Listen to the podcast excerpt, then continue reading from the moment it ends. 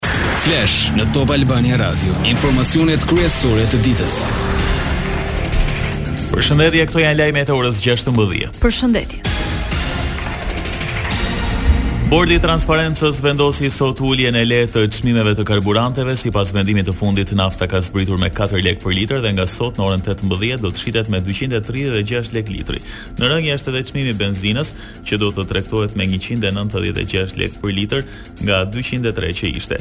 Gazi shitet me shtatëdhjetë e shtatë lekë për litër. Kujtojmë se nafta në bursë është ulur me pesëmbëdhjetë për qind, por Bordi i Transparencës pas nëntëmbëdhjetë ditësh stanjacion e uli çmimin vetëm një për qind.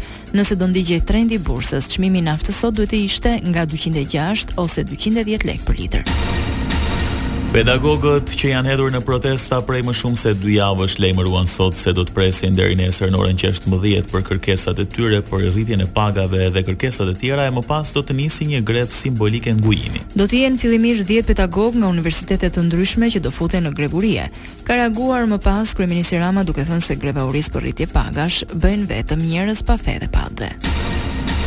Prokuroria e Durrësit i ka konfiskuar hotelin me vlerë 1 milion euro shtetasit Pëllumb Tuda, që dyshohet i përfshirë në pastrim parash dhe trafik droge. Pëllumb Tuda është një emër i njohur për policinë, pasi ka qenë i skeduar për disa ngjarje të ndryshme. Mësohet se pesëdhjetë e një vjeçari Tuda është arrestuar më parë për shfrytëzim prostitucioni dhe plagosje me dashje të një prej punonjësve të tij. Nis sot aplikimi për subvencionimin për panelet diellore në kuadër të projektit pilot që ka nisur qeveria për të mbështetur 2000 familje shqiptare në krizën energjetike. Çdo familje mund të aplikojë online në Agjencinë për Eficencën e Energjisë për të përfituar nga ky projekt, Nëse shpallet fituese, qeveria do të mbulojë shtatëdhjetë për qind të kostos së vendosjes së paneleve diellore. Ashtu siç ishte paralajmëruar, do të ketë ndëshkim për fermerët që lënë tokën djerr. Nga një takim në Dvoran të Korçës, kryeministri Edi Rama tha se ata që nuk do ta shfrytëzojnë tokën do të kenë supertaksim. Ndërkaq Rama vlerësoi situatën ku ndodhet sot bujqësia. Pasqyrimi i vetëm gjysmës së parë të së vërtetës prodhon një gënjeshtër shumë të madhe që në Shqipëri bujqësia është thjesht një shkretirë ku një grusht njerëzish lëngojnë të braktisur nga shteti. Bujqësia sot është si asnjë vit dhe asnjë ditë më parë deri më sot. Kreu i qeverisë u bëri thirrje fermerëve korçarë të bashkohen duke mbjellë me planifikim. Nëse bëhen bashkë, atëherë nuk askush nuk mbetet në rrugë të madhe. dhe vlera e prodhimit shtohet, sepse ke sasi më të madhe, ke cilësi më të garantuar dhe kur ke sasi më të madhe, cilësi më të garantuar, ke fuqi negociuese tjetër me tregun. Tjetër është të dalësh vetëm në treg me pesë kilogramë, tjetër është të dalësh me pesëqind kilogramë. Lajme nga rajoni. Nisi sot zbatimi i masave për reciprocitetin e targave mes Kosovës dhe Serbisë, nisur nga kërkesat e ndërkombëtarëve për shtyrje afati Qeveria e Kosovës vendosi që nga sot deri më njëzet e një nëntor Të gjithë pronarët e makinave me targa serbe në Kosovë vetëm të qortohen dhe t'u tërhiqet vëmendje që të shkojnë dhe të regjistrojnë mjetet e tyre me targa RKS. Pas njëzet e një nëntorit, çdo person që ende posedon targa serbe në Kosovë do të gjobitet me njëqind e pesëdhjetë euro. Data njëzet e një prill është si afati i fundit për futjen në fuqi të vendimit për reciprocitetin e targave. Pas kësaj, asnjë makinë me targë serbe nuk do të lejohet të qarkullojë në Kosovë. Shtetet e Bashkuara nuk e fshehin pakënaqësinë nga vendimi i Kosovës për targat i kthyer në një ngërç të madh, jo vetëm mes Prishtinës dhe Beogradit, por edhe mes saj dhe ndërkombëtarëve. Zëdhënësi i Departamentit Amerikan të Shtetit Ned Price doli i hapur me ankesën se SHBA-ja dhe komuniteti ndërkombëtar i kërkoi Kosovës shtyrje me dhjetë muaj të zbatimit të vendimit për konvertimin e targave të makinave dhe nuk prisnin vetëm një shtyrje të pjesshme. Ministri i Mbrojtjes i Serbisë, Milosh Vuçeviç, tha sot se ushtria serbe është vënë në gjendje gatishmërie për shkak të situatës në Kosovë. Urdhër për këtë sipas tij ka dhënë presidenti Aleksandar Vuçiç. Ndërkaq, Vuçeviç nuk dha detaje se përse është marrë ky vendim dhe përse lidhet me situatën e targave RKS.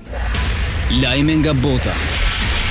Ministrja e Brendshme britanike e riemëruar Suella Braverman ndodhet në një presion të jashtëzakonshëm për të mbajtur postin për shkak të disa gabimeve të saj, por edhe për shkak të krizës së refugjatëve të ardhur në Britani me gomone. Kronika në vijim e gazetarit Arben Manaj na njeh me më shumë detaje.